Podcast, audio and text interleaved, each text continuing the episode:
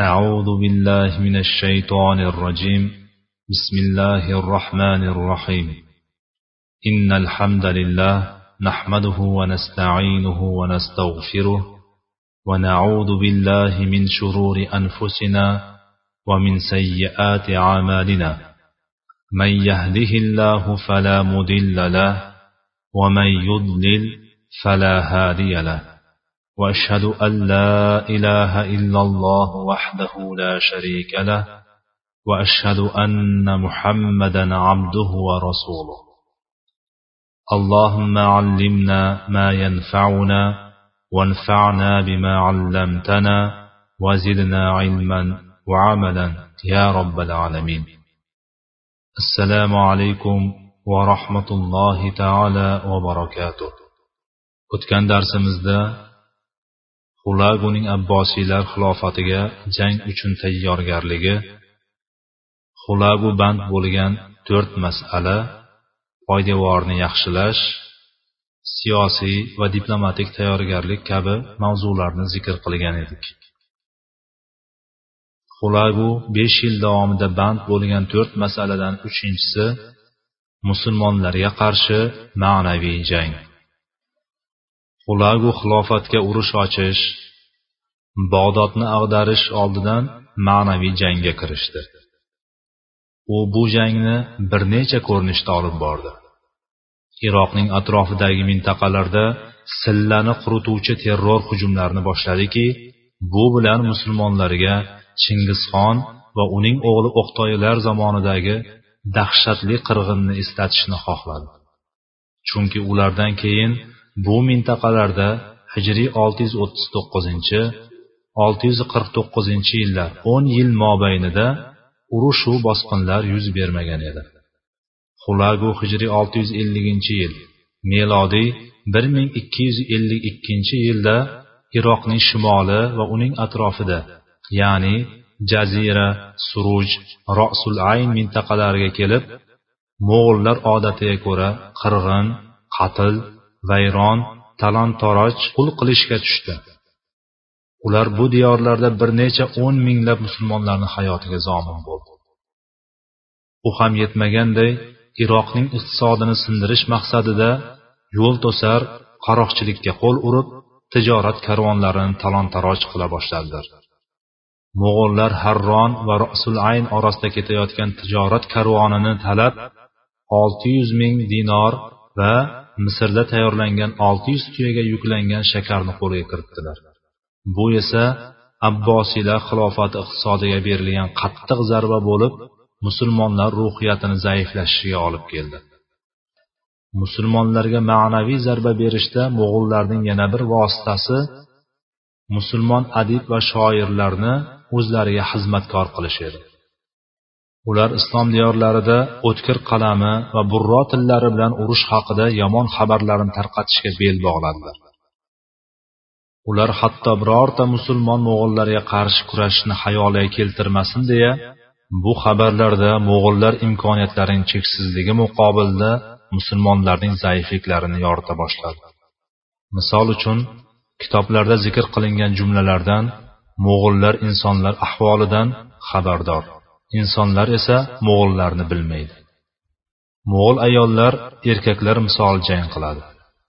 Mo'g'ul otlarining yemga hojati yo'q. Zero ular tuyoqlari bilan yerni kavlab o'simliklarning ildizi bilan oziqlanadi. Mo'g'ullar harbiy madad va ta'minotdan behojat chunki ular har qanday etni hatto bani odamni da yeydilar. O'sha asrlarda mo'g'ullar bugungi kunimizda ko'pchiligimiz unga aldanib kelayotgan axborot vositalarining ta'sir kuchini yaxshi tushungan edi. Natijada barcha insonlarga qo'rquv solishga muyassar bo'ldi. Hatto musulmon erkaklar mo'g'ul ayollardan qo'rqa boshladilar. Vala havla vala quvvata illa billah. Musulmonlarning ma'naviyatiga zarba berishda mo'g'ullar ishlatgan yana bir vosita ular shoirlarga tahdidiy maktublarni yozdirdi va shunga munosib hozirlik ham ko'rdi. Ular bu maktublarni yozdirishda musulmonlar orasida yurgan munofiq shoirlardan foydalandi. Ular mo'g'ul tilidagi maktublarni arab tilida maromiga keltirib yozib berishdi. Ushbu maktublar ta'siri o'laroq musulmonlarning dillariga qo'rquv o'rnashdi. Musulmonlarning ruhiyatini tushishiga olib kelgan yana bir vosita musulmon amirlar va boshqalarning mo'g'ullar bilan ittifoq tuzganligini e'lon qilish edi jumladan faqat mo'g'ullar bilan emas ularning ittifoqchilari bo'lmish armaniston gurjiston antioxiya va boshqalarning birlashgan quvvati bilan urush qilishga to'g'ri kelishini e'lon qilishdi. Bu ham musulmonlar qalbiga qo'rquvni solishi turgan gap edi. Bularning barchasi omma xalq oldida jar solingan edi. Omma xalq musulmon amirlarning mo'g'ullarga sotilganini eshitganida ularning dillarida kurash tuyg'usi tamoman barbod bo'ldi. Shu tariqa mo'g'ullar musulmonlar ma'naviyatini sindirish imkoniga ega bo'lgan va bog'dodga xotirjam bostirib kirish uchun munosib muhit yaratgan edi. Xulagu besh yil davomida band bo'lgan to'rtinchi masala abbosiylar armiyasining kuchsizlantirilishi edi. Xulagu buzg'unchi vazir muayyiddin al alqamiy ashshiyaiga xalifa mustasim billahni armiya safini ozaytirish ularga sarflanayotgan xarajatlarni kamaytirish ularni shahar obodonligi dehqonchilik sanoat ishlarida foydalanish taklifi bilan avrashga buyurdi. Vazir xalifaga biz tinchlik tarafdorimiz. Askarlar jang jihod tadorigini chetga surib dehqonchilik qurilish chorva ishlari bilan shug'ullansin degan manfur fikrni xalifaga uqtirishi lozim edi.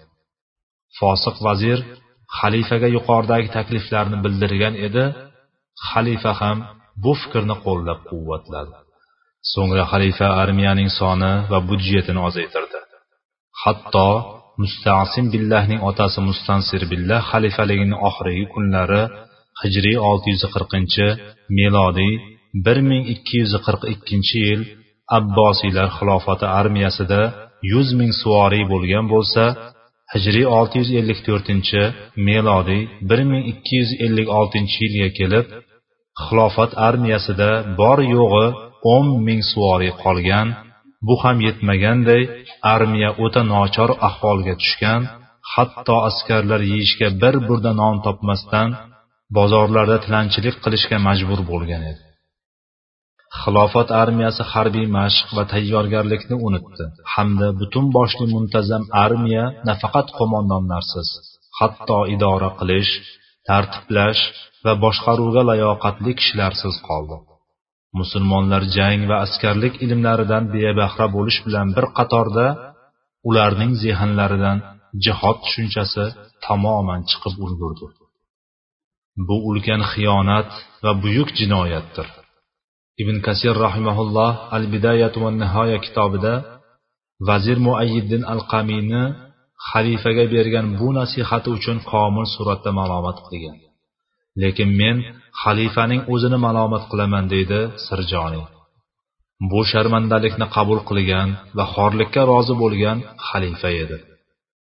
Hokim sifatida xalqning tinchlik omonligi yurtni bosqinchilardan himoya qilish armiyani jihozlash va quvvatlash nafaqat armiya balki omma xalqni ham jihodni ardoqlab alloh yo'lida o'lishni sevishga targ'ib qilish kabi eng muhim vojiblar islom ummati xalifasining xayoli ko'chasidan o'tmadi ham. Xalifa bu vojiblarni bajarmadi. Holbuki hukm chiqarish va qaror qabul qilish uning ishi edi. Zotan jiddiy va mas'uliyatli qarorlarni ruhiyati zaif bo'lgan kimsalar chiqara olmaydi. Yuqorida sanab o'tilgan ishlar xulagu va manguxonning tayyorgarliklari bo'lib haqiqatdan zo'r taassurotga ega bo'lgan hozirlik bo'lgan edi. Biz haq dindamizmi demak nusrat biz tomonda bo'lishi muqarrar degan xayollarga berilib qolganmiz. Vaholanki nusratning qilinishi lozim bo'lgan sabablari bor. Shuningdek mag'lubiyatning ham sabablari bor. Mag'lubiyat sabablarining eng xatarlilari bo'linish tarqoqlik va bir biriga raqiblikdir. Mag'lubiyat sabablarining bu ko'rinishlari mo'g'ullar bag'dodga hujum qilishga kirishayotgan davrda musulmonlarda mukammal suratda mavjud edi. To'liq besh yildan so'ng ya'ni hijriy 654 melodiy 1256 yil xulagu abbosiylar xilofatiga xotirjam hujum qilish mumkinligini his qilib juda katta mo'g'ul lashkarini bog'dod sari safarbar qilishga kirishdi. Bir so'z bilan aytganda mo'g'ul imperiyasi tashkil topganidan o'sha kungacha mo'g'ullar ham buncha katta qo'shinni ko'rmagan edi. Iroqning shimoli sharqi va janubidagi hamda mo'g'uliston bilan iroq orasidagi yo'llar himoyasi qurol yaroq va oziq ovqat tashish vazifasi yuklangan askarlar shuningdek atrofdagi shaharlarga yuborilgan qo'shimcha armiyadan tashqari birgina bog'dodni qamal qilish vazifasidagi qo'shin soni ikki yuz mingdan ziyodroq edi. Mo'g'ul qo'shini tarkibini o'nta nuqtada bayon qilamiz. Birinchi nuqta. Asosiy mo'g'ul armiyasi uzoq vaqtlardan beri fors ozarbayjon va iroqning sharqiy mintaqalarida joylashgan edi. Ikkinchi nuqta. Xulagu rossiya yerlarini ishg'ol qilgan volga daryosi bo'yini o'zlariga qarorgoh tutgan qo'mondonlari mashhur sarkarda xulaguning akasi botuxonning uch o'g'li bo'lgan katta mo'g'ul qo'shinini chaqirgan edi. Uchinchi nuqta. Xulagu yana yevropaning sharqiy qismlarini egallagan o'sha vaqtlar turkiyaning shimoli anadol mintaqasi atrofini o'zlariga markaz qilib olgan mo'g'ul lashkarini ham kelishini talab qildi. Xulaguning talabi bilan buyuk mo'g'ul qo'mondonlari sho'rmog'on va bayju boshliq mo'g'ul qo'shini bog'dod sari yo'l oldi. To'rtinchi nuqta. Xulagu do'sti bo'lmish armaniston podshosiga elchi jo'natdi. Podshoh haysumning shaxsan o'zi arman lashkarini olib xulaguning safiga qo'shildi. Beshinchi nuqta. Gurj mamlakati podshosi ham bu ishga jalb qilingan zahoti labbay deb bog'dodni qamal qilishga kelgan edi. Oltinchi nuqta. Xulagu kamondan olovli o'q otish bilan shuhrat qozongan mingta mohir xitoy merganlarini chaqirtirdi. Yettinchi nuqta. Xulagu mo'g'ul lashkariga o'sha vaqtdagi eng uddaburon mohir sarkardani boshliq qilib tayinladi. Uning ismi kit buganoin bo'lib u o'ta mohir qo'mondon bo'lish bilan birga nasroniy ham edi. Xulagu atay uni shu o'ringa tayinlagan edi chunki u nasroniy bo'lgani uchun katta sondagi nasroniy ittifoqchilar arman gurj va antioxiyaliklar bilan oson til topisha olar edi. Mo'g'ultadarlar uchta. Xulagu kitbuganoin va bayju qo'monligi qanoti ostida birlashdi. Sakkizinchi nuqta. Xulagu antioxiya amiri buhmandni shomga urush ochishdan to'xtatib bog'dod ishg'oliga chorlab elchi yubordi. Holbuki u butun kuchini yig'ib shomga urush ochishga tayyor turgan edi. Xulagu bog'dodni zabt etgandan so'ng shomga u bilan barobar urushga kirishga va'da berdi. To'qqizinchi nuqta. Mo'g'ul qo'shini tarkibida musulmon bo'laklari ham bo'lib ularning qo'mondoni damashq voliysining o'g'li salohiddin ayyubiy rahimaullohning nevarasi aziz ibn nosir yusuf ayyubiy edi. Ular ham iroqni ag'darishda mo'g'illarga ko'mak beradigan bo'ldi. O'ninchi nuqta. Bu islom bo'lagidan tashqari bog'dod ishg'oli uchun mosulning amiri badriddin lu'lu musulmon armiyani xulagi huzuriga yo'lladi. Hatto iroqliklar ham haqir dunyo mansab e'tibor istab yoxud hayot ilinjida mo'g'ullar bilan ittifoqchilik qildi. Mo'g'ullar safidagi bu musulmon armiya hech qanday qiymatga ega emasdi. Biroq buning zamirida mo'g'ul qo'shini safida musulmonlar ishtirok etyapti degan katta katta ma'nolar bor edi. Oliy suratdagi tayyorgarlik natijasida mo'g'ul qo'shini xulagu reja qilgani kabi quvvatga ega bo'ldi. Ulkan mo'g'ul lashkari forsdan iroqqa qarab bo'ron kabi esa boshladi. Xulagu jang uchun qadamini olg'a bosdi. Shunda uni bag'dodga kirishini to'sib turgan tog'li hudud forsning g'arbi iroqning sharqini o'zlariga makon tutgan shiyalarning ismoiliya toifasi unga ro'paro kelib qoldi. Bu toifa ahd va burchga bevafo xilofat bilan qattiq murosasiz qudratlilarga til yog'lamachi munofiq ekanini xulagu yaxshi bilgani holda ular bilan ittifoq bo'lishdan ko'ngli to'lmagan edi. Chunki bu toifa jang qilish va mustahkam qo'rg'onlari bilan shuhrat qozongan va mo'g'ullar singari ahdga bevafo o'ta xatarli kutilmaganda mo'g'ullarga ham hujum qilib qolishi ehtimoldan xoli emas edi. Shu bois qulagu garchi vaqti va kuchi ketsa-da bu toifa ishini hallab shundan so'ng bog'dodga kirishga qasd qildi.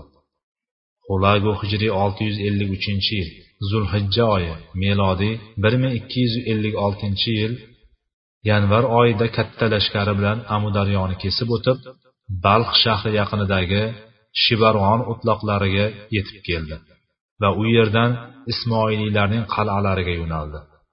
Sarkarda kitbuga xulagudan oldinlab qohiston yerlariga borib u yerdagi bir necha ismoiliylarning qal'alarini ishg'ol qildi.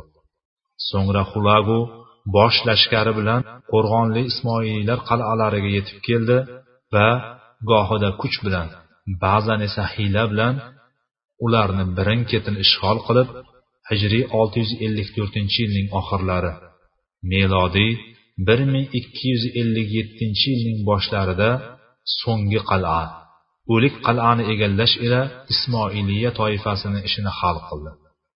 Ismoiliylarning boshlig'i rukniddin xurshoh xulaguga bas kela olmadi. Xulaguning qarshisida yerni o'pgan holatda unga taslim bo'ldi. Shu tariqa mo'g'ullar adadi yuzlarcha bo'lgan ismoiliylar qal'alarini to'liq ishg'ol qilishdi. Doktor rog'ib sirjoniy ma'lum qilishicha katta mo'g'ul qo'shini to'g'ri ismoiliya toifasi tomon yo'l olib uni har tarafdan o'rab oldi. Ikki guruh o'rtasida ayovsiz shiddatli jang boshlanib oqibatda ismoiliya toifasi to'liq qilishdan o'tkaziladi va mintaqa tamoman tozalanadi shu tariqa bag'dod sari yo'l ochiladi.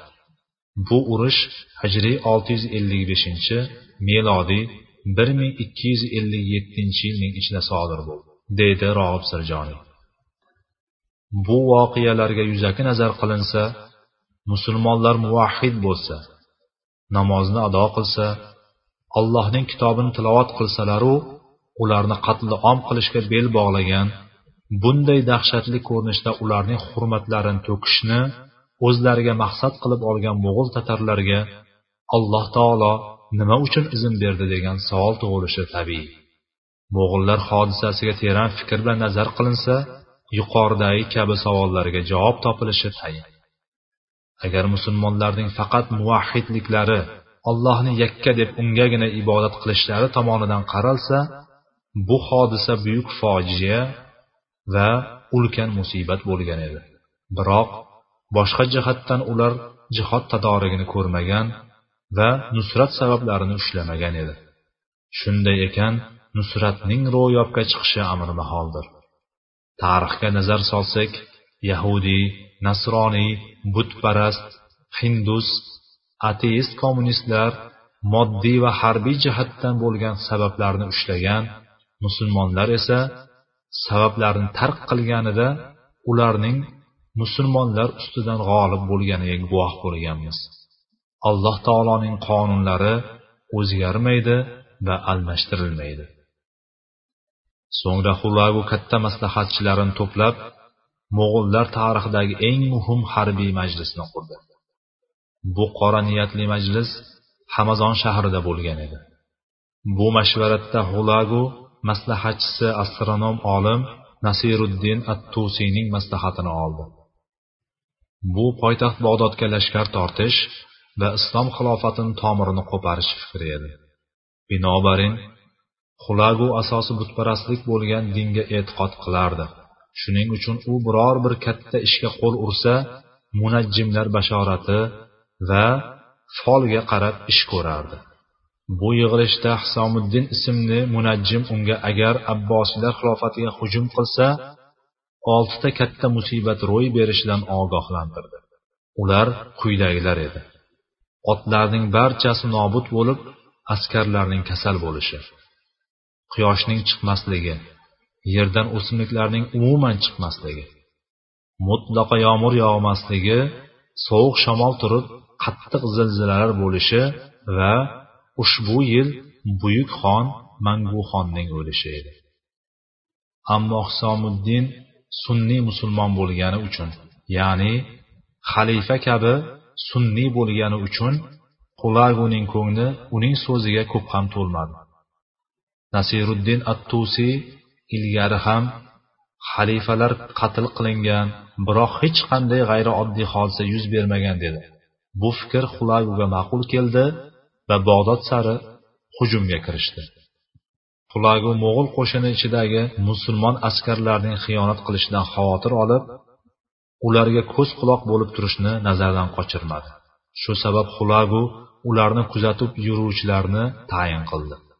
Holbuki xulagu safiga qo'shilgan musulmon amirlar unga xiyonat qilishni yetti uxlab tushida ham ko'rmagan edi desak mubolag'a bo'lmaydi. So'ngra mo'g'ul lashkari hamazondan iroqqa qarab qo'zg'aldi. Oradagi masofa to'rt yuz ellik kilometrni tashkil qilar edi. Xulagu qo'shinni uch qismga taqsimladi. Birinchi qism. Bu qism qo'shinni asosi bo'lib unga xulaguning o'zi boshchilik qildi. Bu guruh mo'g'ul lashkarining eng muhim bo'lagi hisoblanib rossiya fathidan qaytgan mo'g'ul armiyasi armaniston va gurjiston mamlakatlaridan kelgan nasroniy qo'shinlarni o'z tarkibiga olgan edi. Ular forsning g'arbidagi tog'li hududdan o'tib to'g'ri bog'dodga otlandi. Yo'l asnosida karmanshoh shahridagi ismoiliya toifasini tamoman yo'q qilib o'tdi va bag'dodni sharqiy tomonidan qamal qilishga kirishdi. Ikkinchi qism. Bu qism mo'g'ul qo'shinining chap qanoti bo'lib unga mohir sarkarda kit buganoin qo'mondon edi. Bu guruh avvalgi guruhga nisbatan janub tomondan bag'dodga yo'l oldi. Yo'llarda musulmon razvedkachilari bo'lishi mumkin degan ehtimol bilan xulagu bu guruhlarni ikkiga ayirdi. Vaholanki bunday katta qo'shinni to'rt yuz ellik kilometr masofadan yo'llarda yashirincha holatda olib yurish mumkin emasligi turgan gap bo'lsa da xulagu ehtiyot chorasini ko'rgan edi. Kit buganoyinning qo'shini iroqqa xamirdan qil sug'urgandek silliq kirdi va bog'dodni janub tomonidan qamal qilishga shoshildi. Abbosiylar mo'g'ul qo'shini bostirib kelganini faqat ellik kilometrdan ozroq masofa qolgandagina payqadilar. Uchinchi qism. Bu qism yevropaning sharqiy mintaqalarini ishg'ol qilgan qo'mondoni mashhur bayjo bo'lgan anadolning atrofidan bog'dod sari yo'l olgan mo'g'ul armiyasi edi. Bu guruh shimol tomondan janubga qarab yurib bog'dodni shimol tomonidan qamal qilish uchun yetib keldi. So'ngra bu guruh bog'dodni g'arb tomonidan ham qurshovga kirishdi. Xullas bog'dod sharqdan xulagu janubdan kit buganoin hamda shimol va g'arbdan bayju tomonidan o'rab olindi. Bayju boshliq uchinchi guruhning xulagu va kitbugalar bilan bir vaqtda bog'dodga yetib kelishi musulmonlarning sharmandalik darajasini qay holatga kelganini belgilab beruvchi mezon edi desak yanglish bo'lmaydi. Chunki uchinchi guruh mo'g'ul qo'shini bog'dodga yetib kelishi uchun ming kilometr masofani bosib o'tishi lozim edi. Bu ming kilometr masofaning besh yuz kilometri turkiya mintaqasi shuningdek qolgan besh yuz kilometri iroq yerlariga to'g'ri kelardi. Ya'ni mo'g'ul lashkari 1000 kilometr masofani islom olami ichidan bosib o'tdi. Biroq unga birorta musulmon qarshi chiqmagani yetmaganiday to'qqiz yuz ellik kilometr masofa yurib bog'dodga ellik kilometr qolgandagina abbosiylar bundan xabar topgan edi. Bayju islom o'lkalarini musulmonlarning ikkita katta nuqsoni yoki musibati sabab xotirjam kesib o'tdi. Birinchidan abbosiylar armiyasi harbiy va jang olib borish malaka va bilimlaridan bexabarligi hamda bu maydonlarda musulmon razvedkachilarining atiga bo'lsa ham yo'qligi sabab. Ikkinchidan ochiq xiyonat sabab. Anadol va mosulning amirlariyu xalqi mo'g'illarga barcha darvozalarni qo'sh qo'llab ochib bermasa mo'g'illar bag'dodga osonlikcha yetib kelmagan bo'lar edi. Anadolning amiri kaykovus ikkinchi va rukniddin qilich arslon to'rtinchilar xiyonatni rosa do'ndirgan edilar. Mosulning amiri badriddin lu'luning sotqinligi bu ikkisidan ham oshib tushgan edi.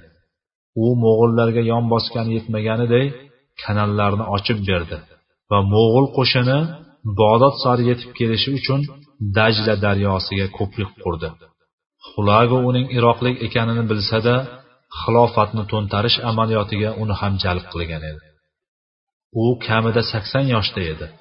Ba'zi rivoyatlarda yuz yoshda bo'lgani aytilgan. Badriddin lu'lu o'zining buyuk xiyonatidan va xilofat ag'darilganidan bir necha oy o'tar o'tmas o'ldi. Alloh subhanahu taolodan yomon xotimadan panoh so'raymiz.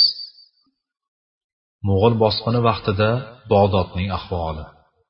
O'sha zamonda shaharlar orasida bog'dod shahri devorlar bilan qo'rg'onlangan eng mustahkam edi.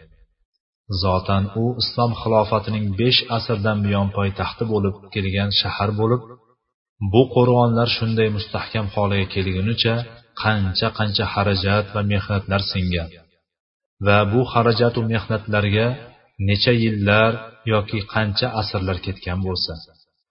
Nahot bu sho'rin qurg'ur qo'rg'onli shahar ham uni himoya qiladigan rijollarga muhtojligini aqlli insonlar anglamasa. Nima ham derdik o'sha damda xilofatda g'ururli yigitlar nodirlasha borgan edi. Xalifa mustasim billahning ahvoli. O'sha vaqtda abbosiylar xilofatining boshida abbos avlodlarining o'ttiz yettinchisi va oxirgisi bo'lgan mustasim billah o'tirar edi.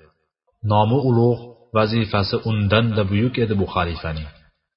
Suyutiyning xalifalar tarixi yoki ibn kasirning al bidayatu va nihoyaga o'xshash tarix kitoblarida xalifa mustasim billahning hayot tarzi haqida kelgan sahifalar o'qilsa ajablanarli narsalarning guvohi bo'lasiz. U kishining shaxsiy hayotida fozil insonligiyu o'zi bilan atrofdagilar orasini uzib qo'ygan xorazm shohga xilof o'laroq odamlar bilan aloqasi yaxshi bo'lganligini topasiz. Lekin muammo nimada edi? Keling ibn kasirning u kishini qanday vasflaganiga bir nazar solaylik. U fozil inson bo'lib go'zal ko'rinishli vijdonli sahih aqidada edi. Adolat qilish ochiqqo'llik ulamolar va xalqqa ikrom borasida otasi mustansir billah izidan borgan salaflarga ergashgan sunniy inson edi. Ibn kasir rahimaulloh salaflarga ergashgan sunniy edi deganida nimani qasd qilganini bilmayman dedi doktor sirjoniy nahotki salaf solih mazhabida alloh yo'lidagi jihodu jihodga hozirlik ko'rish yo'q bo'lsa? Salaflar mazhabida yer yuzidagi shart sharoitlar va olamdagi quvvatlar muvozanatini o'rganish musulmonlarni himoya qilish hamda ularning qasosini olib berish yo'qmi? Salaf mazhabida birdamlik qalblarning ulfatligi va o'zaro hamkorlik nahot bo'lmasa? Vaholanki o'sha vaqtlar iroqning yonginasi. Fors ozarbayjon afg'oniston pokiston va boshqa islom diyorlarida musulmonlarning qonlariyu obro'lari to'kilib oyoq osti bo'lgan edi. Ma'lumotlarga tayanib aytamizki to'g'ri xalifa mustasim billah o'zicha yaxshi inson edi. Lekin musulmon hokim bee'tibor bo'lishi mumkin bo'lmagan ishda boshqaruv mustaqillik va dushmanning ustidan g'olib bo'lishga umid va e'tibor yer yuziga alloh taoloning dinini yoyish munosib vaqtda jangga kirish va jang qilish qarorini belgilovchi shijoatga hafsalasizlik qildi. U saflarni va qalblarni birlashtirish bo'linishning oldini olish yagona islom bayrog'ini baland ko'tarish imkoniga ega bo'lmadi. Hatto o'ziga sodiq kishilarni ham tanlay olmaganidan mamlakat o'g'ri vazirlar zolim zobitlar va ojiz askarlar hamda yomon maslahatchiyu yordamchilarga to'lib ketdi. Hamma tomonni fasod bosib davlat mulkini o'marish poraxo'rlik tanish bilishchilik uchga chiqdi. O'yin kulgu fasod axloqsizligu buzuqlik keng tarqalishi barobarida ochiqchasiga baralla aytilish darajasiga yetdi. Bu islom diyorida raqqosa va masxarabozlar haloyiq oldida o'zlariga oshkora ravishda e'lon qila olardi. Ya'ni hozirgi kunni tilida aytganda reklama qila olardi. Xalifa namozxon ro'za tutuvchi zakot beruvchi faqirlar va olimlarga muhabbatli shirin so'z edi. Biroq bular uning o'z nafsi oldidagi mas'uliyati edi. Jamiyat va ummat oldidagi mas'uliyat qayerda qoldi? Darhaqiqat u xalqning mas'uliyatini ko'tarishga tamoman ojizlik qildi. Xalifa o'sha paytlar piyoda va o'qchi askarlardan tashqari bir yuz yigirma ming suvoriy hozirlashga qodir edi. Lekin xalifa ich ichidan mag'lub bo'lganidan qarshi turish degan ko'tarinki ruhdan bebahra edi. U xalqini jihod ruhida tarbiya qilmadi. Ularga urush haqidagi bilimlar suvda suzish kamon otish chavandozlik kabilarini ta'lim bermadi. Mo'g'ul tatarlar zamonida ummat o'g'lonlarini mo'g'ullarga qarshi kurashga tayyorlovchi harbiy lagerlar yo'q edi. Ummat jang va jiddu jahd hayotiga ma'nan tayyor emasdi.